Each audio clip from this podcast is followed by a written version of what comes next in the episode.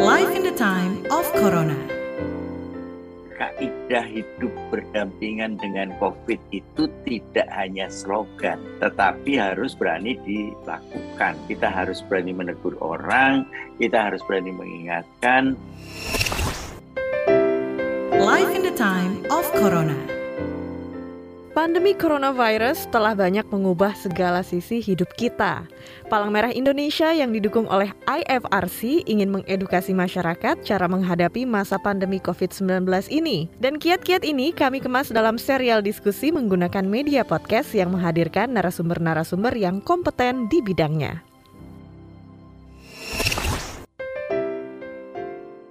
Anda kembali mendengarkan podcast Live in the Time of Corona. Kali ini kita akan membahas tema kasus COVID-19 turun drastis. Apa kata pakar?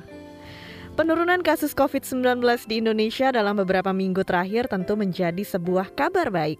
Juru bicara Satgas Penanganan COVID-19, Wiku Adhisa Smito mengatakan bahwa penurunan kasus COVID-19 telah terjadi selama 11 minggu berturut-turut, di mana pada minggu pertama, yaitu Oktober 2021, terjadi penurunan 34,6 persen dibandingkan minggu sebelumnya. Bahkan untuk pertama kalinya, kasus positif harian Indonesia berada di bawah 1000 kasus per hari, yaitu 922 kasus per tanggal 4 Oktober 2021, terendah sepanjang tahun ini. Lalu apa penyebab angka kasus COVID-19 melandai menurut para pakar? Langsung saja kita ngobrol-ngobrol dengan narasumber kita di episode kali ini. Yang pertama ada Dr. Diki Budiman, ahli epidemiologi dari Griffith University Australia. Kemudian narasumber kita yang berikutnya adalah Dr. Kusmedi Priharto, Kasubit Tracing Satgas COVID-19. Senang sekali saya bisa berjumpa ngobrol-ngobrol dengan Dr. Diki dan Dr. Kusmedi di episode kali ini. Dan pertama saya mau ke Dr. Kusmedi terlebih dahulu. Satgas COVID menyebutkan bahwa kasus aktif turun drastis melampaui standar global. Lalu seperti apa nih dok data terbaru penurunan angka COVID-19? seperti kita ketahui bahwa positif rate kita kan memang sudah sangat eh, rendah sekali ya di 0,7 kalau Cuman memang pada prinsipnya itu jangan dijadikan sesuatu yang membuat kita menjadi lalai terhadap kondisi-kondisi yang ada. Karena memang di lapangannya itu masih ada stigma tentang COVID itu sendiri. Jadi masih cukup lumayan lah ya orang yang tidak mau diperiksa, tidak mau dites itu masih ada terutama di daerah-daerah yang stigmanya tinggi ya. Hal tersebut memang perlu suatu penanganan tersendiri ya walaupun teman-teman tracking di lapangan itu dilaksanakan bersama dengan para Babinsa, Banbingan Tumas, dan melibatkan para lurah, tokoh masyarakat di lapangannya. Nah, moga-moga sih itu tidak menjadi lebih banyak. Karena kalau kita lihat dulu pada awalnya kan kita juga cuma satu dua orang yang kena. Jadi tetap waspada itu dilakukan baik oleh para masyarakat dan kita juga petugas-petugas tetap dalam kondisi yang waspada ya artinya untuk tetap melakukan pemeriksaan kemudian melakukan pengendalian terhadap 3M kemudian penguatan vaksinasi tetap harus dilakukan. Oke, baik dok. Memang walaupun angka kasus COVID-19 di Indonesia sudah menurun, kita nggak boleh lalai ataupun lengah, tetap waspada, menerapkan protokol 3M, dan juga bagi masyarakat dihimbau untuk mendapatkan vaksinasi COVID-19. Nah, berikutnya saya mau ke Dokter Diki.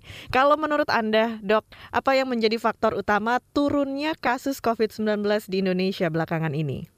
Pertama sekali bahwa tentu kita sudah melalui pandemi ini hampir mau dua tahun dan tentu ah, banyak sekali kasus infeksi di masyarakat. Dari yang terinfeksi ini kan menjadi penyintas dan memiliki imunitas walaupun terbatas atau dalam waktu yang durasinya tidak lama ya.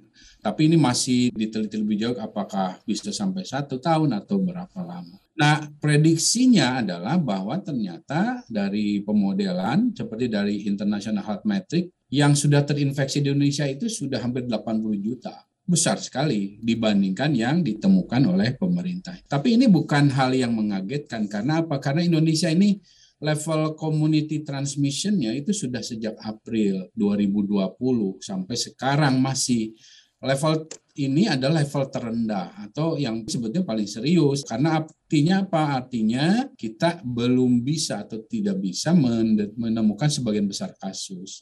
Sehingga kalau ada estimasi seperti itu sebanyak itu ya bukan hal yang mengagetkan. Tapi di sisi lain kabar baiknya adalah mayoritas adalah tidak bergejala kan. Dan itu membuat juga barier untuk komunitas kita sehingga kasus tidak menjadi lebih banyak. Ditambah lagi cakupan vaksinasi kita kan juga banyak dan ini juga menjadikan jumlah orang yang memiliki imunitas kurang lebih lah 120 jutaan itu bermanfaat. Nah, ditambah lagi bahwa memang untuk terutama Jawa Bali kan level PPKM ini sudah semakin bagus. Namun ini tentu bukanlah satu hal yang harus kita rayakan awal ya karena apa Indonesia luas Iya dok, jadi memang masih terlalu awal ya kalau kita merayakan turunnya angka COVID-19 di Indonesia. Lebih baik eh, sekarang kita masih tetap jaga-jaga gitu ya, supaya nantinya angka COVID-19 tidak naik lagi.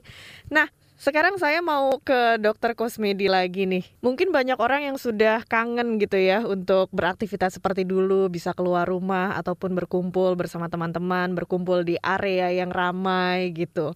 Dengan turunnya kasus COVID-19 ini, apakah Indonesia sudah bisa mulai melaksanakan kegiatan seperti dulu saat tidak ada pandemi atau bahkan mungkin melakukan konser dan sebagainya? Seperti apa pendapat Anda? Kita mesti tetap waspada dulu ya karena jenis delta itu sudah semakin fit artinya mungkin kondisinya jauh lebih kuat ya. Kita juga harus hati-hati karena kemarin kita sudah coba kan pada PON di Papua. Ternyata dengan protokol yang ketat sebenarnya memang protokolnya ketat, tetapi ada beberapa kelalaian sehingga terjadilah penularan-penularan yang semacam itu. Tapi itu sebuah peringatan lah buat kita semua bahwa dalam melakukan kumpulan massa yang banyak seperti itu kita justru lebih harus berhati-hati. Okay. Pada prinsipnya orang itu harus berpikir mana yang lebih penting. Kita memang betul sehat, fit, kemudian kita berkumpul dengan orang banyak menggunakan uh, proteksi 3M yang betul atau kita tidak mungkin akan berkumpul itu jadi hindari hal-hal yang berkumpul seperti itu. Itu adalah salah satu bagian daripada 3M di mana kita tahu kapan saya bisa berkumpul dengan orang dan kapan saya tidak perlu berkumpul karena itu tidak aman buat saya. Oke. Nah, Dokter Diki juga boleh menanggapi seputar acara dengan masa yang banyak seperti konser. Kalau menurut Anda seperti apa? Mungkin ingin menambahkan? Sangat penting sekali kesadaran untuk membatasi. Nah, di sisi lain, karena beban di sektor lain semakin besar, ini saya pernah dikontak Bang Sandi ya, Bang Sandiaga Uno minta pendapat. Jadi karena kita misalnya ingin mengadakan itu, itu harus sangat mempertimbangkan kondisinya. Misalnya eh, selain prinsip yang tadi sampaikan Dr. Gusmedi ya, misalnya daerah, nah, daerah yang sudah masuk pada level misalnya PPKM level 1 atau paling tidak level level, level 2 kemudian dengan tes positivity rate yang sudah jauh di bawah satu persen, termasuk juga tiga T-nya yang kuat. Jadi fondasinya juga kuat. Selain yang harus dipertimbangkan juga adalah sebenarnya level transmisinya. Sebetulnya kalau paling aman tuh yang klaster jangan penularan komunitas. Karena kalau penularan komunitas, sekali lagi yang tadi saya sampaikan, kita nggak nggak bisa mendeteksi kasus banyak di masyarakat itu jadi rawan. Nah kemudian kalaupun misalnya pemerintah dengan otoritasnya, ah saya mau nih kayak kemarin Pak ini pemerintah, wah kita mau mau kalau mau gimana nih? Ini udah didesak-desak saya sampaikan harus ada uji coba. Dulu saya juga pernah sama Menpora minta untuk piala Menpora tuh uji coba. Sebetulnya yang uji coba kecilnya karena disiplin kecil itu dan patuh juga berhasil. Tapi ketika pon ya tadi sampaikan Pak Kusmedi ada banyak bolong-bolong. Nah untuk ini pun setiap pelonggaran dalam pandemi ini harus ada uji coba, pilot project seperti sekolah semuanya. Sebagai contoh, saya kasih contoh di Eropa itu ada dua, satu uh, Belanda, satu Spanyol. Belanda 20 ribu penontonnya, Spanyol 5 ribu. Dibuat, diperbandingkan, Eropa kan begitu ya, bikin studi, nah ternyata uh, yang paling berhasil yang Spanyol, selain jumlahnya relatif manageable, termasuk semuanya dari masker semua jadi harga tiket udah seret paket testing paket masker ya. Termasuk masa testingnya itu juga tidak lebih dari eh, lima jam sebelum event. Kalau yang Belanda yang tiga kali 24 jam itu maskernya tidak distandarisasi, hmm. walaupun vaksinasinya sama semuanya harus dua kali dan segala macam. Nah, namanya juga protokol teoritis banget. Ketika di event tertentu atau setting tertentu, tapi untuk di itu kan harus diuji. Iya, seperti itu ternyata ya dok ya. Dan itu kan tadi di luar negeri, contohnya di Eropa, Belanda atau Spanyol. Selanjutnya dok, ada nggak sih sebenarnya rasio khusus untuk menyatakan bahwa suatu negara bisa dinyatakan sebagai zona aman dari COVID-19? Untuk rasio eh, negara, wilayah, ya termasuk kabupaten kota, itu WHO sudah ada ya standarnya. Antara lain sebetulnya yang pertama dan utama adalah level penularan di lokasi itu. Empat level. Satu yang paling bagus adalah tidak ada kasus, no cases atau kasusnya sporadis. Sporadis itu mungkin dalam satu bulan ada satu. Itu China seperti itu. Australia, beberapa negara bagiannya seperti itu. Kedua adalah kasusnya itu impor. Jadi dari luar negeri kayak misalnya di Indonesia ya ya adanya di ketika dideteksi di bandara saja di dalam negerinya nggak ada atau kalaupun ada di dalam negerinya terdeteksi ada link ke kasus impor itu ke hotel misalnya. Nah hotel karantina. Ketiga cluster. Nah dan keempat adalah level community transmission. Jadi kalau yang level paling bawah ya berarti buruk. Nah sayangnya kita itu di level yang empat gitu. Negara lain akan melihat itu di level itunya. Bukan hanya oh tes positivity rate kita sudah di bawah satu persen. Nggak cuma itu. Tapi yang pertama tadi baru lihat tes positivity rate-nya. Tapi dilihat tes positivity rate itu akan lihat juga tiga T-nya. Kalau testingnya nggak banyak nggak kuat terus tes positivity rate-nya rendah akan jadi pertanyaan. Nah kemudian nanti dilihat vaksinasinya. Apalagi kalau dengan kaitan dengan Delta, kalau bisa 85 persen kurang lebih. Selain tentu uh, ada indikator lain bahwa beban di vaskes termasuk juga kematiannya kecil harus kecil kematian kita itu tertinggi di ASEAN dan di atas rata-rata dunia dan juga Asia. Jadi kalau saya harus jujur katakan kita belum dalam kategori aman. Ini yang harus kita waspada. Tapi ada daerah-daerah yang udah relatif Oke, okay, Prof. Jadi memang positivity rate itu bukan hal yang utama ya, karena ada rasio hal-hal lainnya yang perlu dilihat untuk menyatakan sebuah negara aman dan Indonesia masih ada di level 4 ya sekarang. Kalau ke depannya nih, Dokter Diki, apakah COVID-19 ini bisa menjadi endemik? Bagaimana penjelasan Anda? fakta sejauh ini menunjukkan bahwa COVID-19 ini akan sulit dihilangkan ya, eradikasi namanya. Karena apa? Salat eradikasi itu hostnya hanya manusia satu. Nah, tapi pada COVID-19 ini hostnya atau inangnya atau tempat dia bisa berkembang itu bukan hanya di manusia, tapi ya di ini di hewan. Nah, ini zoonotic virus ini kalau sudah hinggap di manusia ya sulit untuk dieradikasi. Beda dengan polio, polio hanya di manusia. Oleh karena itu potensi dia menjadi endemik semakin besar. Ditambah lagi, kita sudah tahu sebelum lahirnya atau ditemukannya SARS-CoV-2 ini, coronavirus yang lain yang ada tujuh itu sudah bersirkulasi sejak tahun 1960-an sampai sekarang menjadi penyebab common cold ya dan itu membuktikan bahwa udah lebih dari beberapa dekade yang masih ada kelompok ini. Nah, ini yang juga menunjukkan ya ini akan jadi endemi. Namun yang harus saya luruskan adalah bahwa bukan berarti ya udah kita rubah status mengarah ke endemik tidak seperti itu. Jadi yang benar adalah ya usahakan kita bukan jadi negara yang endemi COVID-19. Karena nanti akan ada negara yang menjadi dia endemi COVID-19 atau epidemi atau terkendali. Jadi tiga pilihan. Kita harus memilih yang terkendali. Seperti misalnya demam berdarah. Nggak endemi di Eropa tuh nggak endemi. Banyak penyakit endemi itu nggak endemi di semua negara. Nah inilah pentingnya penguatan strategi sejak awal ini dari mulai vaksinasi dan juga public health lain. Jadi ungkapan bahwa kita rubah statusnya menjadi endemi itu yang salah kaprah. Arti endemi bukan berarti nggak berbahaya. Arti endemi itu tetap berbahaya. Akan ada kematian.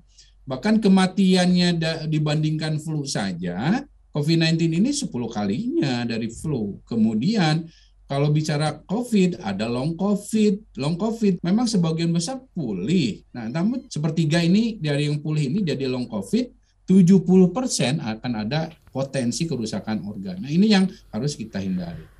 Oke dok, jadi memang yang lebih tepat itu bukan seperti yang disebut-sebutkan di media massa merubah pandemi menjadi endemi karena itu hal yang keliru. Terima kasih dokter Diki sudah memberikan penjelasannya. Dan sekarang terakhir saya kembali lagi ke dokter Kusmedi. Apa yang ingin disampaikan dari Anda dokter pesan-pesan ataupun himbauan kepada masyarakat? Yang saya himbau kepada masyarakat, kita mulai harus berani. Kalau kita melihat orang tidak menggunakan masker, kita harus berani negur. Maskernya dipakai supaya kita sama-sama menjaga satu dengan yang lainnya agar dia tidak merebak menjadi lebih luas. Kalau ada orang-orang yang berkumpul, kemudian yang berkumpul itu tidak sekeluarga, kemudian tidak ada keperluan yang penting, eh jangan dulu kalau toh memang mau berkumpul cari yang udah bebas terbuka tuh. Jadi kaidah hidup berdampingan dengan COVID itu tidak hanya slogan tetapi harus berani dilakukan. Kita harus berani menegur orang, kita harus berani mengingatkan, kita harus bisa berhitung perlunya kita bertemu itu apa, kalau tidak bertemu apa yang bisa dilakukan, kalau kita mau bersenang-senang berkumpul-kumpul, kita hitung apakah daya tahan tubuh kita kuat, kita persiapkan alat-alat kita untuk 3M. Baik, kita harus berani, berani mengingatkan orang-orang di sekitar kita kalau tidak pakai masker atau tidak mentaati protokol kesehatan. Kita harus jaga satu sama lain ya dengan berani mengingatkan itu. Terima kasih Dokter Kusmedi dan Dokter Diki sudah ngobrol-ngobrol di siaran podcast Live in the Time of Corona episode kasus COVID-19 turun drastis, apa kata pakar. Tadi kita sudah simak bareng-bareng apa penjelasannya, dan semoga informasi ini bisa bermanfaat untuk kita semua. Saya juga ngucapin terima kasih banyak buat kamu yang sudah mendengarkan podcast Live in the Time of Corona. Untuk ide dan masukan, silahkan email ke podcast@kbrprime.id dan tulis di bagian subjek podcast Corona. Jangan lupa ikuti juga podcast yang cocok untuk curious mind kamu di kbrprime.id atau platform mendengarkan podcast lainnya. Juga ikuti kita di Instagram kbr.id dan saya Ines Nirmala pamit undur diri dari podcast Live in the Time of Corona. Sampai ketemu lagi di episode selanjutnya. Dadah! Live in the Time of Corona.